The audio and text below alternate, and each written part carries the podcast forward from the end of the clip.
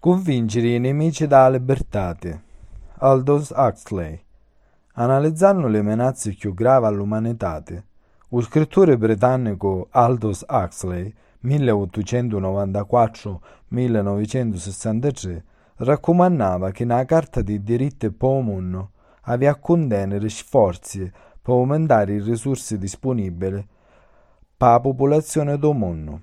Per limitare lo potere di chi che attraverso i suoi ricchezza o posizza dominavano i massi di gente ordinarie, senza privilegi, che erano la maggioranza.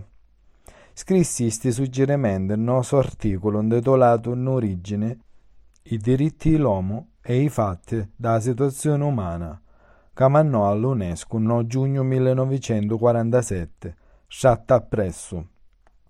La pressione sempre più grande della popolazione sopra le risorse e la preparazione la minaccia di una guerra totale sono in questo momento le nemici più grandi della libertà. Circa tre quarti di 2,2 miliardi di abitanti del nostro pianeta non hanno di socco mangiare. Per fine questo secolo la popolazione mondiale sarebbe cresciuta, se non mentre una fedama non fare catastrofe a circa 3,3 miliardi. No mentre sopra zone sempre più grandi della superficie del pianeta, lo consumo della terra sta facendo diventare sempre più unica la parte produttiva di 4 milioni di acre. Più assai, nei paesi dove la nostra è più sviluppata, le risorse minerali stanno finendo, o finendo già completamente e questo in un momento una popolazione domanda una quantità di merci di consumo sempre più grande e una tecnologia avanzata si affida a soddisfare questa domanda. La pressione della popolazione sopra le risorse minaccia la libertà in diverse maniere.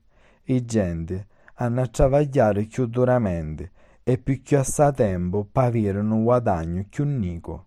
Allo stesso tempo, la situazione economica della comunità tutta è così precaria che imprevisti niche a tipo un tinto tempo possono risultare una rosse danni. C'è picco nuda libertà personale no mezzo do caos sociale e un questo viene ridotto a forza d'un direttivo centrale c'è un grave risiko di totalitarismo. Questa pressione aumentata dalla popolazione sopra le risorse il XX secolo aveva diventato l'epoca d'oro dei governi centralizzati e di dittatura e aveva visto il ritorno dalla schiavitù, considerando i retici politici popolazione conquistata e prigioniera di guerra. Nel corso del XIX secolo, il buono nuovo poteva dare a mangiare mercato per massa abbondante do mondo vecchio e terre libere per vittime di oppressione. Oggi lo mondo nuovo ave una popolazione grande, sempre crescente. Finì la terra libera e sopra zone sempre più grandi lo terreno abusato sta perdendo la sua fertilità. Lo mondo nuovo produce ancora materiale di suo vecchio sportabile. Hai limite dubbi che tra 50 anni averi ancora materiale per sfamare le 3 miliardi di cristiani do mondo vecchio. Avevamo a aggiungere a questo punto che mentre la popolazione del pianeta sta crescendo in maniera lesta, la popolazione di certe zone dell'Europa occidentale è stazionaria e cominceria presto a calare. Lo fatto che dopo 1970 la Francia e la Gran Bretagna avranno perso circa 4 milioni di abitanti, mentre la Russia ne averia 75 milioni a assai, è destinata a causare problemi politici. Nella Carta dei diritti costituzionali, con principi di applicare una specifica legislazione, può certamente avere un ruolo per proteggere massi gente ordinarie senza privilegi, contro le picca che per sua ricchezza o per sua posizione hanno un potere effettivo sopra la maggioranza.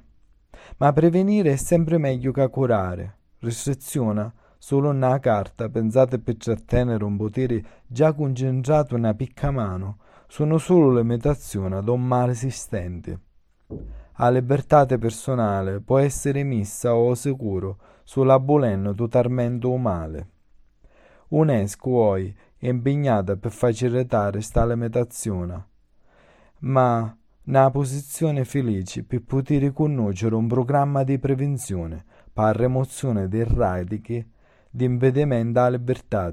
Questo è principalmente un affare posizione scientifica dell'organizzazione, perché il problema dall'ascare la pressione della popolazione sopra le risorse è principalmente un problema scientifico, mentre il problema della guerra totale è, tra le altre cose, un problema di etica, perché dei che lavorano per scienza, come individui e come membri di un'organizzazione professionale lo scrittore e critico britannico Aldous Huxley, 1894-1963, fu meglio conosciuto per il suo testo distopico Brave New World, 1932, che esprimeva a satira la sua sfiducia nella politica e nella tecnologia del XX secolo.